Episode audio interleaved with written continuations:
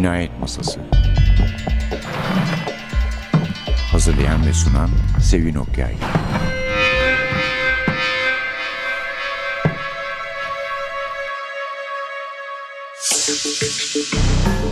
Merhaba, NTV Radyo'nun Cinayet Masası programına hoş geldiniz. Konuğumuz var, söz verdiğimiz gibi bir konuğumuz var. Daha önce de buluşmak istediğimiz bir konuk bu haftaya nihayet denk düştü. Ve Cenk Çalışır'la buradayız. Hoş geldiniz. Hoş bulduk efendim, iyi yayınlar. Kan Yağmuru kitabı Esen Kitap'tan çıktı. Ve Cenk Çalışır gerçekten polisiye yazanların beğendiği bir yazar. Nereden anlıyorum? Çünkü bu kitabın arkasında iki tane övgü dolu yazı var. Erol Üye Pazarcı ve Osman Aysu'dan. Hı, Başka bir yerde de Ahmet Ümit'in beğendiğini okumuştum. Hı hı, bu sağ kitapta olsunlar, evet. olmasa da.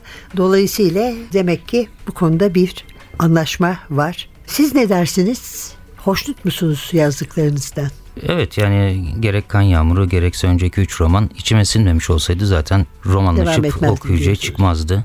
Nihayetinde adınızı ve soyadınızı yazıyorsunuz. Altına imzanızı atıyorsunuz. Doğru, Önce sizin haklısın. içinize sinmesi lazım. Ama herkes için o kadar şey olmayabiliyor. yani kendine getirici olmayabiliyor. Peki daha önceki kitaplardan nasıl bir sonuç aldığınızı düşünüyorsunuz? Onlar da beğenilmişti diye hatırlıyorum. Hı evet, Zaten Sat- bu Ahmet Ümit falan daha önceki kitaplar. Evet. Satranç cinayetleriyle benim edebiyat yolculuğum başladı. 2010 yılı yanılmıyorsam Mart ayında raflara çıkmıştı. Satranç cinayetleri çok kısa bir sürede ikinci baskıya geçti. Okurlardan da yayın evinden de iyi tepkiler geldi. Sonrasında aynı yılın sonuna doğru Zehri Katil çıkmıştı. Gerek Ahmet Ümit Üstadımız gerek Osman Aysu Üstadımız yine ona e, Evet, yazılar vermişlerdi. Övgüyle söz etmişlerdi sağ olsunlar. Okurların tepkisiyle iyi romanlar olduğunu düşünüyorum. Zaten amacım da o. Bitirdiğinizde iyiydi denilen romanlar yazmak istiyorum. Evet ben de öyle hatırlıyorum. Yani daha öncekilerinde satranç oyunlarından başlayarak oyun içinde oyun Zehri Katil. Hepsi iyi tepki almış kitaplardı. Evet. Bu sefer nasıl gidiyor? Bir şey var mı? Yani görecek kadar uzaklaştık mı yoksa henüz çok mu yeni çıktı? Henüz çok yeni. Kan Yağmuru tarzı olarak biraz daha gerilimin baskın olduğu bir roman. Bu kez gerilimle korku üzerine oynamayı istedim. Satranç cinayetleri eylem kurgusuydu. Şimdi ne olacak sorusunun baskın olduğu bir romandı. Zehri Katil daha iç yolculukları olan ben olsam ne yapardım sorusunu sordurturan bir romandı. Güzel bir kitaptı ama ben severim, severim onu yani. Teşekkürler. Oyun içinde oyun da epinom tekliğiyle yazıldı. İçinde üç ayrı hikaye ama yazıldığı sırayla okursanız da bir roman olarak okuyabileceğiniz katmanları olan bir romandı. Zaten adı da oyun içinde oyun olduğundan orada biraz yazıyla, edebiyatla oynamak söz konusuydu. Kan Yağmur dediğim gibi tamamıyla polisiye gerilim, katıksız bir gerilim. Birazcık şey de var yani. Gor. evet. şiddet. Ama farklı bir şiddet yani. Hani Evet yani insanı anlatıyor yine e, Evet. edebiyatın derdi gereği ama insanı suç üzerinden anlatmayı tercih ediyorum. Kan Yağmuru'nda da bunu yapmaya çalıştım. İnsanın karanlık yönünden beslenmeyi seviyorum. Ee, Belki okurlar da onu daha- seviyordur belki. Evet bu daha heyecan verici geliyor bana.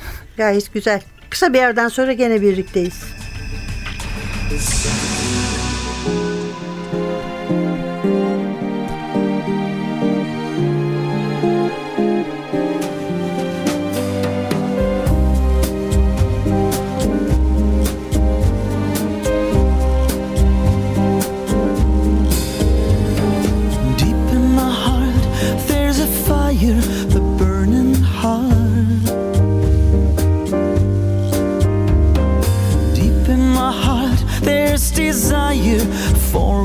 Stop.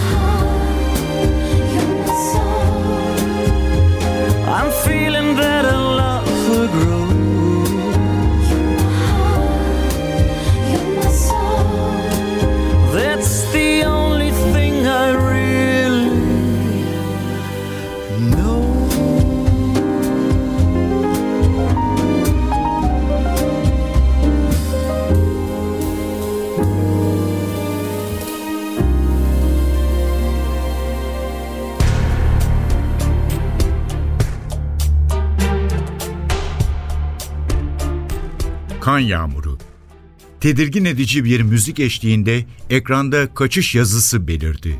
Hemen ardından oyuncuların, senaristin ve yönetmenin adlarının yazılı olduğu italik harfler akmaya başladı. Müziğin sesi azalıp duyulmaz olduğunda ekranda siyahlar giymiş 20'li yaşların ortalarında uzun saçlı bir programcı belirdi. Sol eliyle yakasındaki telsiz mikrofonu düzeltirken canlı bir sesle korku klasiğiniz siyah kamera programında yeniden birlikteyiz dedi. Amerikalı dövüş sanatları aktörü Steven Seagal'ı hatırlatan bir yüzü vardı. Özenle çizilmiş köşeli hatlara sahip bir yüz. Bu yüzde iki ince çizgi gibi duran kısık gözler.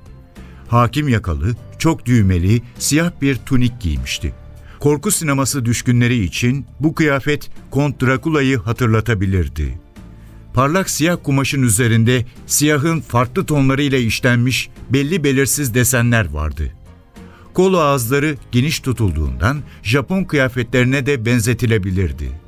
Stüdyodaki ışık ustaca kurulmuş, yüzünün bir yanı diğerinden daha çok aydınlatılmıştı. Yarısı gölgelenmiş yüzüyle programın temasına uygun bir ifade kazandırılmıştı. Oldukça büyük bir salonda arkası yüksek, ahşap bir koltukta oturuyordu. Mobilyadaki işçilik dikkat çekiciydi. Elini yasladığı kolçaklara kuş pençeleri işlenmişti. Omuzlarının yanından kanatlar yükseliyordu. Başının hemen üzerinde kocaman gagasıyla keskin bakışları kusursuz işlenmiş bir karga duruyordu. Sol tarafında kırmızı kadife perdeler asılıydı. Perdelerin arasında geniş sütunlar göze çarpıyordu. Pençe şeklinde işlenmiş kaidelerin üzerinde yükseliyor, bu haliyle yırtıcı, büyük bir kuşun ayakları gibi duruyordu. Bu sütunların önündeki yüksek şamdanlarda uzun mumlar yanıyordu. Sağ tarafında iri taşlardan yapılmış kocaman bir şömine vardı. İçindeki odunların yanarken yaydığı ışık mermer zeminde kırmızı dalgalanmalar yaratıyor, sahnedeki etkileyiciliği arttırıyordu. İlker Altay, kameraların üzerindeki yayın ışıklarını takip ederek sunumunu profesyonelce yapıyordu. Bu haftaki programın ilk yarışmacıları korku sineması konusunda klasik bir sahne canlandırmış. Değişik bir bakış açısıyla benim takdirimi kazandıklarını söylemeliyim. Özellikle Baykuş sahnesindeki kurguya bayıldım. Bu sahne geçişi kızı kovalayanın doğaüstü özelliklerini onu bize göstermeden anlattı. Bilgisayar desteğiyle hazırlanmış çok iyi bir sahneydi. Programın baş kameramanı Şafak, İlker'in tam karşısındaki sabit kameranın ardındaydı. İlker'le göz göze geldiklerinde sağ elinin işaret parmağı ve baş parmağını birleştirerek bir halka yaptı. Diğer üç parmağı açıktı.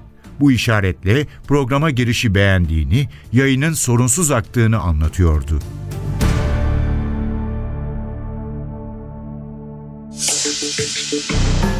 Kar Yağmuru ismiyle müsemma denebilir yani. Cenk Çalışır'la birlikteyiz. Esen kitaptan çıktı. Şimdi dediniz ki hani size en çok hani başka hani çok güzel şeyiniz var. Üslubunuz iyi yazıyorsunuz da polisiyeden başka şey düşünmez miydiniz? Ben de dedim ki bu bana hep polisiyeyi küçümseyen bir tavırmış gibi gelir. Ondan sonra bize size anlatamadık galiba polisiyeyi Evet, diye bir evet, şeye yani- başlamıştınız. Ondan devam etsek. Evet yani polisiye dediğimiz zaman nedense hep okurun aklında cinayi romanlarla sınırlı kalan bir alan var. Artık tanımlamalar biraz değişiyor diye düşünüyorum. Yani suç edebiyatı işte polisiye bunlar ana başlık olarak kullanılıyorlar. Ve gerilim, macera, aksiyon türleriyle iç içe işleniyorlar. Yan karakterler eskisine göre daha baskın, yan hikayeler daha baskın, e, romanların içerisinde daha kalıplı yerler tutmaya başladı. Dolayısıyla sanki biz polisiye yazarları çok bunu anlatamadık diye hayıflanıyorum. Çünkü polisiye dediğimizin içerisinde hırsız hikayeleri de var. Asker hikayeleri de var, casus hikayeleri de var. İçinde suç olan her şey aslında polisiyenin konusu. İçinde polis olmasa bile suç varsa bence bu polisiyenin konusu. Dolayısıyla suçu da insandan çok ayrı düşünemiyorum. Çünkü suçun bir farkındalıkla beraber olduğuna inanıyorum. Ee, Siz onun suç olduğunu biliyorsanız ve o suçu işlerseniz karşılığında alacağınız cezanın da ne olduğunu biliyorsanız ve o cezadan kaçmak için de gereken tedbirleri alıyorsanız bu sizin karanlık yanınızdır ve ben oradan beslenen hikayeler yazmayı, onları kurmayı seviyorum. Evet zaten yani polisiye en çok basılan, en çok satın alınan bizde de dışarıda da tür. Yani Tabii ki tabii ki yani savaş ve barışın içinde bile polisiye ve var, çok suç değişti. var yani. Yani, evet. altın çağdan bu yana inanılmaz değişiklik. Ben hala altın çağı severim ama şimdi de çok daha farklı bakışlar var ve onlarda farklı açılımlar var yani polisiyenin Evet kendisinde. özellikle çok satanların uluslararası çok satanların sinemaya uyarlanması sanıyorum o ilgiyi de yurdumuzda bir aile arttırdı. Evet, evet gerçekten öyle oldu. Sonra mesela ben şeyi de seviyorum. Hani mesela e, John Le Carre gibi e, sanki tamamen soğuk savaşa ve işte duvarın iki yanına odaklanmış gibi görünen birinin başka yerlere gitmesi duvar yıkıldıktan sonra Evet. işte bahçıvan falan gibi ondan sonra yeniden dönmesi eskileri anlatmaya devam etmesi bu hoşuma gidiyor. İskandinav açılımı var. Başkalarına da örnek oldular çünkü. Oysa onlar da tabii pek başka yerdekine benzemeyen bir iklim ve sosyal durum olduğu için hani onları taklit edenler onlar kadar maalesef başarılı olamıyor böyle bir durumda var. Bir de mesela Türkiye'de zaten polisiyeyi her zaman kadınlar çok yazar yani. Hani kadın yazarın en çok olduğu türdür. Ama Türkiye'de de hakikaten çok sayıda kadın yazar oldu yani yeni Evet, yazarlarla. evet. Son dönemde, birlikte. evet. Bu acaba yani bu iklimin polisiye ikliminin bittiğine mi bağlı yoksa bir cesaret mi geliyor başkalarının yazdığını görünce? hem cesaret var hem e, dediğim gibi son dönemde polisiye biraz daha öne çıktı. Biraz daha popülaritesi artan bir tür olmaya başladı. Bir şekilde ne anlatırsanız anlatın onu nihayetinde insana dokundurmak zorundasınız ve bir şekilde o insanın bir kabahati bir suçu varsa bu ister istemez polisiyenin konusu içerisine giriyor diye düşünüyorum. Evet bir de kadınlar biraz daha farklı bakıyor herhalde. Mutlaka. Öyle düşünüyorum. Yani hani böyle bu işte kadın duygusallığı diye her konuda atlamam böyle huyum yoktur ama yani dışarıdaki örneklerinde bakınca konuya biraz daha farklı yaklaşıyorlar. Belki onun da etkisi vardır. Mutlaka, mutlaka.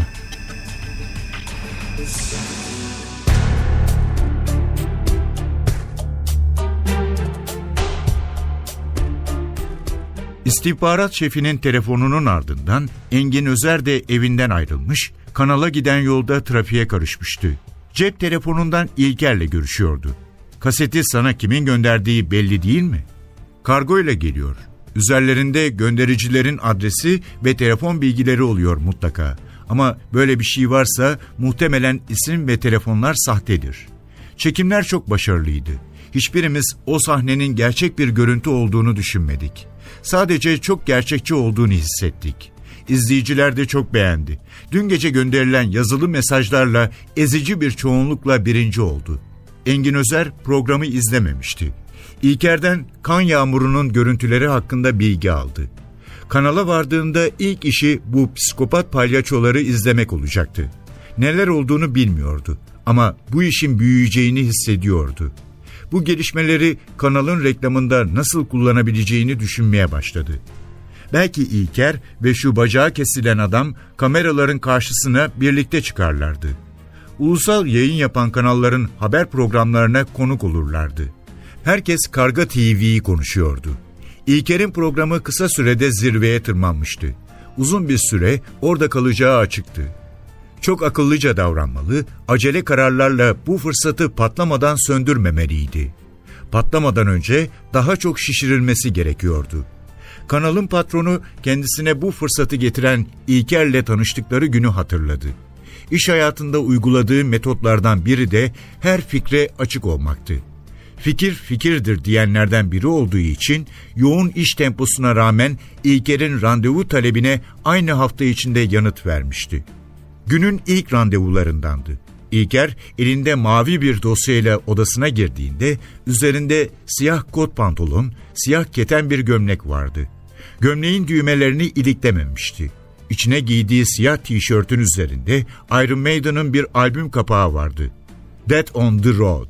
Saçlarını at kuyruğu yapıp toplamış, siyah gözlerinin altına rimel sürmüştü. Engin Özer, iki kulağında halka küpeler olan delikanlının fikrini heyecan verici bulmuş, oldukça beğenmişti.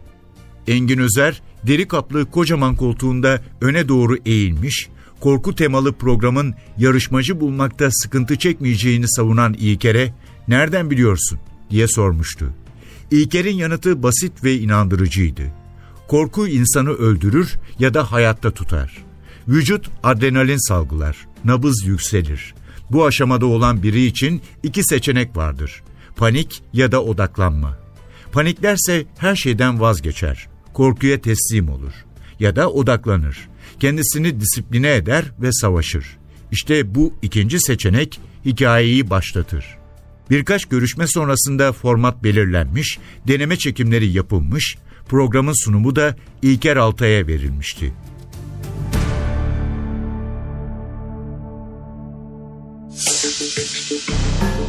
Cenk Çalışır'la birlikteyiz. Biraz kan yağmurundan konuşsak tabii sırrımızı ele vermeden. tamam. Mesela nasıl aklınıza nasıl geldi? Gerçi hani bir basın mensubu olduğunuz için size kendinizi anlatmanızı istemedik daha sizden ama onu da bu bölümde isteriz nasıl olsa. Gerçi siz yazılı basındaydınız. Bu televizyon.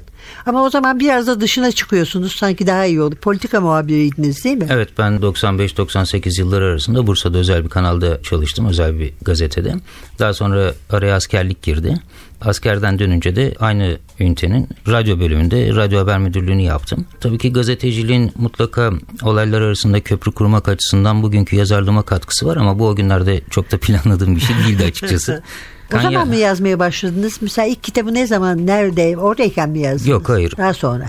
Çok daha sonra çünkü hep masanın öbür tarafında yani okurluk tarafındaydım. Yazma isteği olsa da çok konsantre olabildiğim bir şey değildi. Yani düzenli bir mesai saatim vardı.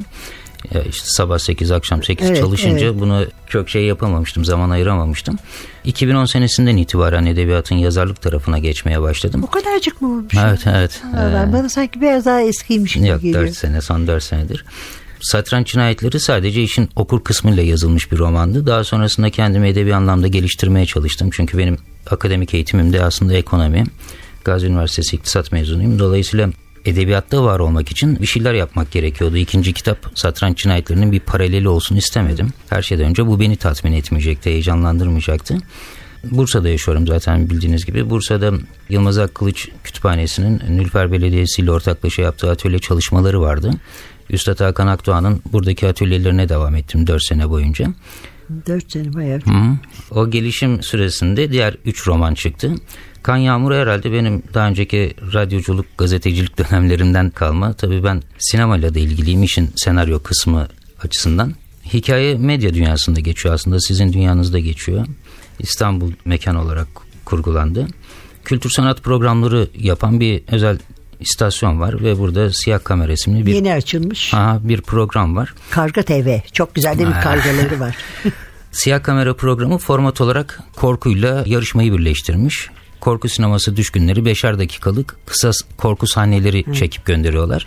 Ve SMS'lerle gece birincisi olmaya çalışıyorlar. Finaldeki ödül de buradan radyocu arkadaşlara, yayıncılara da sufle vermiş olduk ama e, güzel bir program hakikaten heyecan verici bir program. Ödül olarak da uzun metrajlı bir korku filminin çekilebilmesi için gerekli tüm En ekipmanlar verilecek. Evet. Gençler buna ilgi gösteriyorlar. Yoğun kaset gönderimleri var ve gelen kasetlerden bir tanesinde iki tane palyaço bir adama e, zulmediyorlar. Sonrasında o kişinin Zeytinburnu sahilinde uyanışını görüyoruz. Aslında dün akşam seyrettiklerimizin mizansen değil, birebir gerçek olduğunu görüyoruz. Ancak o zaman anlıyoruz. Evet ve işte işin içerisine emniyet güçleri dahil oluyorlar. Palyaçoların kasetlerinin devamı geliyor. Halk üzerinde bir korku var haliyle.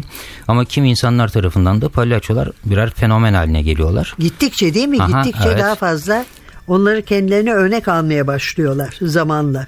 Palyaçoların ne istediğini bulmaya çalışıyoruz. Evet ama bu e, aynı derecede aynı güçlülükte polislerimiz de var yani. Tabii ki. Aynı derecede öne çıkan. Ben mesela bu Acar ikili başkomiser Emre Polat'la Aykut Tekcan'ı beğendim yani bir ikili olarak.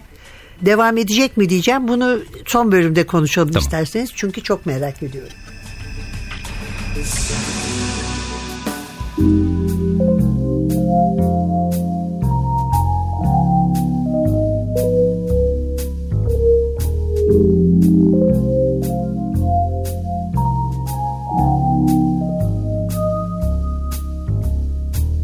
I danced with a lot of men, fought in an ugly war. Gave my heart to a mountain, but I never loved before. I'm nervous when you turn away, my heart is always sore. Tuxedo gave me diamonds, but I never loved before. Been on the road forever, I'm always passing through. But you're my first love and my last. There is no one, no one after you.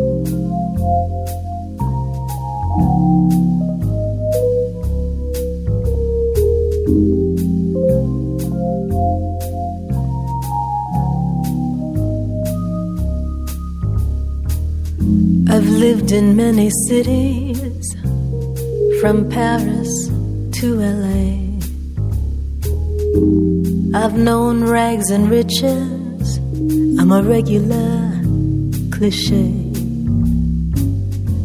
I tremble when you touch me, I want you more and more. I taught the Kama Sutra, but I never loved before. Been on the road forever, I'm always passing through. But you're my first love and my last. There is no one, no one after you.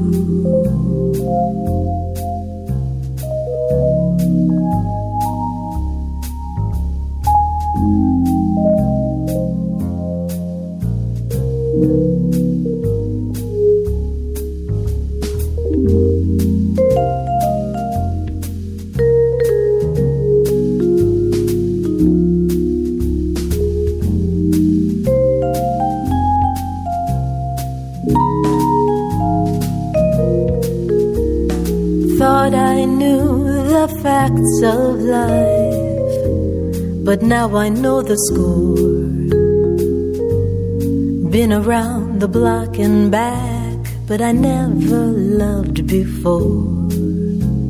Been on the road forever, I'm always passing through. But you're my first love and my last. There is no one, no one after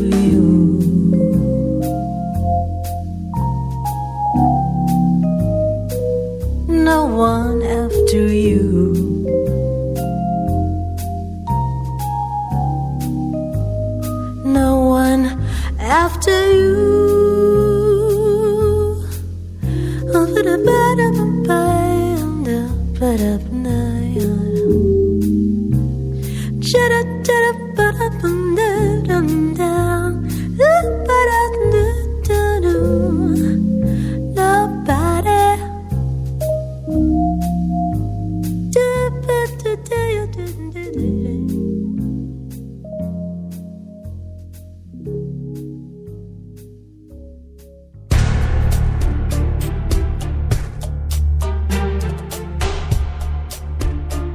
Polat yorgundu.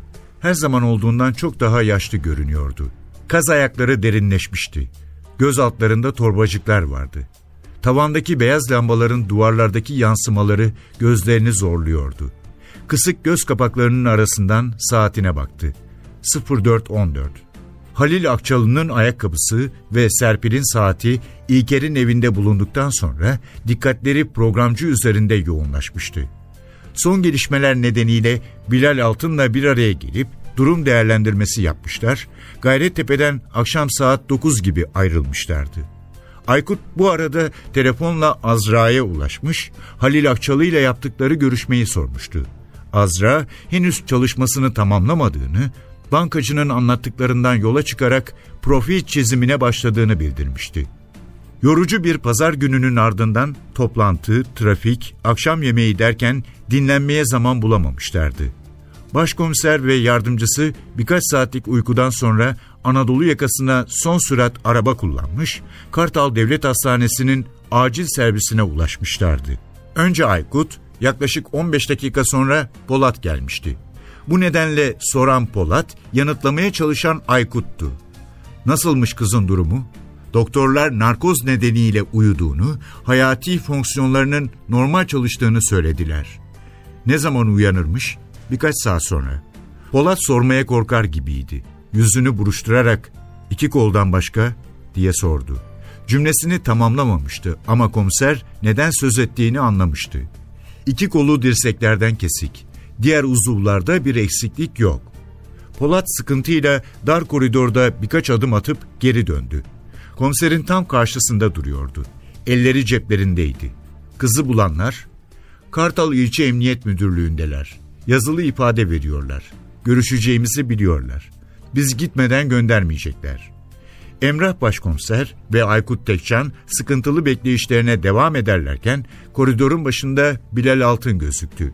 Hızlı adımlarla yürüyordu. Cinayet bürodan sorumlu emniyet amiri heyecanlıydı. Serpil'in salı verilmesinin memnuniyet verici olduğunu söylüyordu. Kızın sağlık durumu hakkında kısaca bilgi aldı.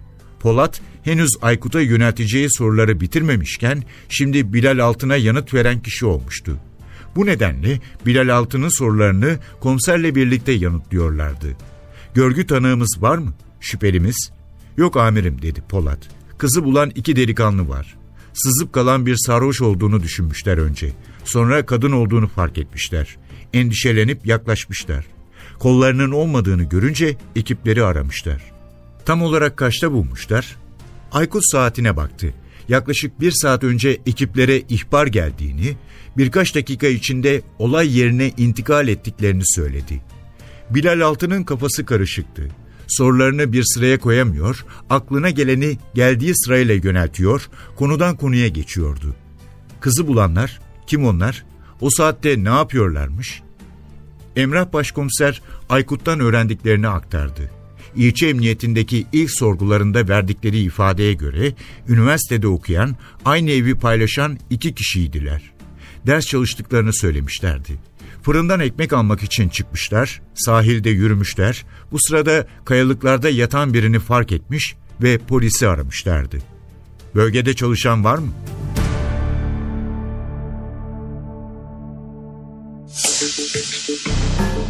Evet efendim, Cinayet Masası'nın son bölümündeyiz. Cenk Çalışır'la birlikteyiz. Kan Yağmuru üzerinde konuşuyorduk ki kısa bir ara verdik evet. Evet siz devam olacak mı? Aynı Ee, kahramanlar evet, devam edecek mi demiştiniz? ikiliyi beğendiğim için. Hı. Ya aslında ben herhalde kahramanlarımı iyi yaratıyorum. Çünkü okurlarım sağ olsunlar dört kitap içinde aynı şeyi söylediler. Şu ana kadar böyle bir şey olmadı. Yani ne satranç cinayetlerinin ne işte Hiçbirini devam ettirmediniz. Zeri. Belki katilin bunda devamı başlarsınız. gelmedi. Vallahi açıkçası şu an elimde başka bir dosya var. Yeni bir dosyaya zaten başladım. Beni heyecanlandıran başka bir yola girdim.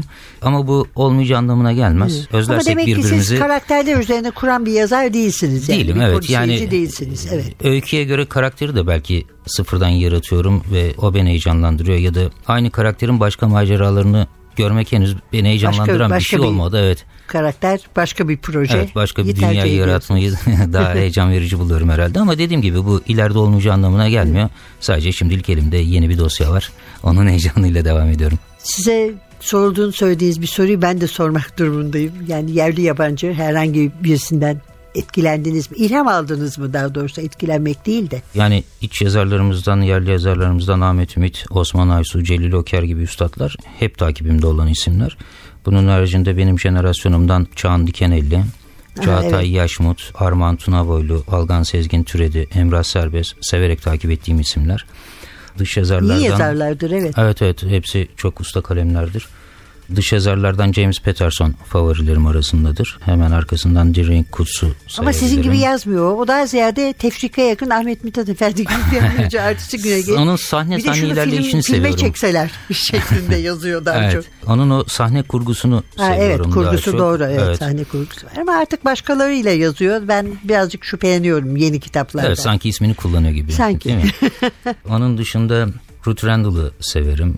Jean-Christophe Grange, Sidney Sheldon. Ben de Grange'i seviyor musunuz diye soracaktım Evet. ben. Onun etkisinin çok olduğunu söylüyor okurlarım da sanıyorum var. Dan Brown, Glenn Mate severek takip ettiğim isimler.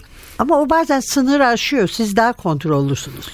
Evet o herhalde bizim yaşadığımız hayatın o kadar kopuk olmamasıyla alakalı. Yani Türkiye'de biliyorsunuz çok işte bizim Avrupa'daki gibi Amerika'daki gibi seri katillerimiz yok. Vahşet düzeyinde seri olarak işlenmiş cinayetlerimiz yok. Bizde daha ziyade hep öfke cinayetleri görülüyor. Bu biraz doğulu yanımız. Bu biraz İslamiyet'in verdiği bir terbiye Evet, belki evet. bilmiyorum. Sadece seri katilleri yazmasından dolayı değil yani seri katilleri yazan çok ya sevdiğimiz yazarlar da. Ha, seri katiller de bazen ipin ucunu kaçırıyor Evet, evet. diye yöntemlerde yani Evet, öldürme yöntemlerinde diye düşünüyorum. Demek bir dosya var. Ne kadar zamanda gelir karşımıza? Siz çabuk yazan bir yazarsınız aslında. Evet yani, ben yani benim 2010'da falan başladığının değil daha önce sanki başladı gibi geliyordu bana. Onun için şimdi 4 yılda hemen hemen her seneye bir kitap, kitap düşmüş yani. gibi. Evet. Seneye belki de bizi bekliyor olabilir mi? Ama senede hemen 2015 yani. 2015 içerisine yani tabii bilemiyorum yetişir mi de. Şu anda başladığım anekdotlar tutuyorum. Kısa kısa notlar alıyorum. Heyecanımı canlı tutmak adına mutlaka ilk bölümü yazıyorum. Evet bu romanın ilk bölümü başladı. Çünkü hani başlamak bitirmenin yarısıdır ya. O yüzden kendime öyle bir moral veriyorum. Aşağı yukarı benim romanlarım 70-80 bin kelimeyle tamamlanıyor. Bunun yazım süreci de 7-8 ay gibi sürüyor. Sonrası edisyon. Bir terslik olmazsa herhalde 2015 2016 başında gelir. 2015 sonu 2016 Sonu başı gibi 2016 evet. başı, evet. Belki fuarda bile yetişir hiç Evet. belli olmaz. Peki efendim.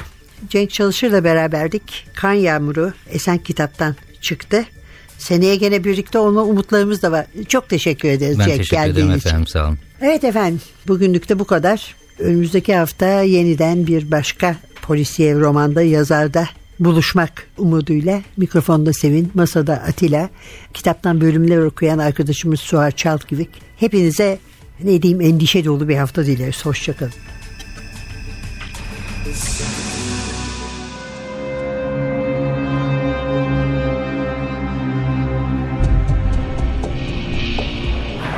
Cinayet Masası. Hazırlayan ve sunan Sevin Okyay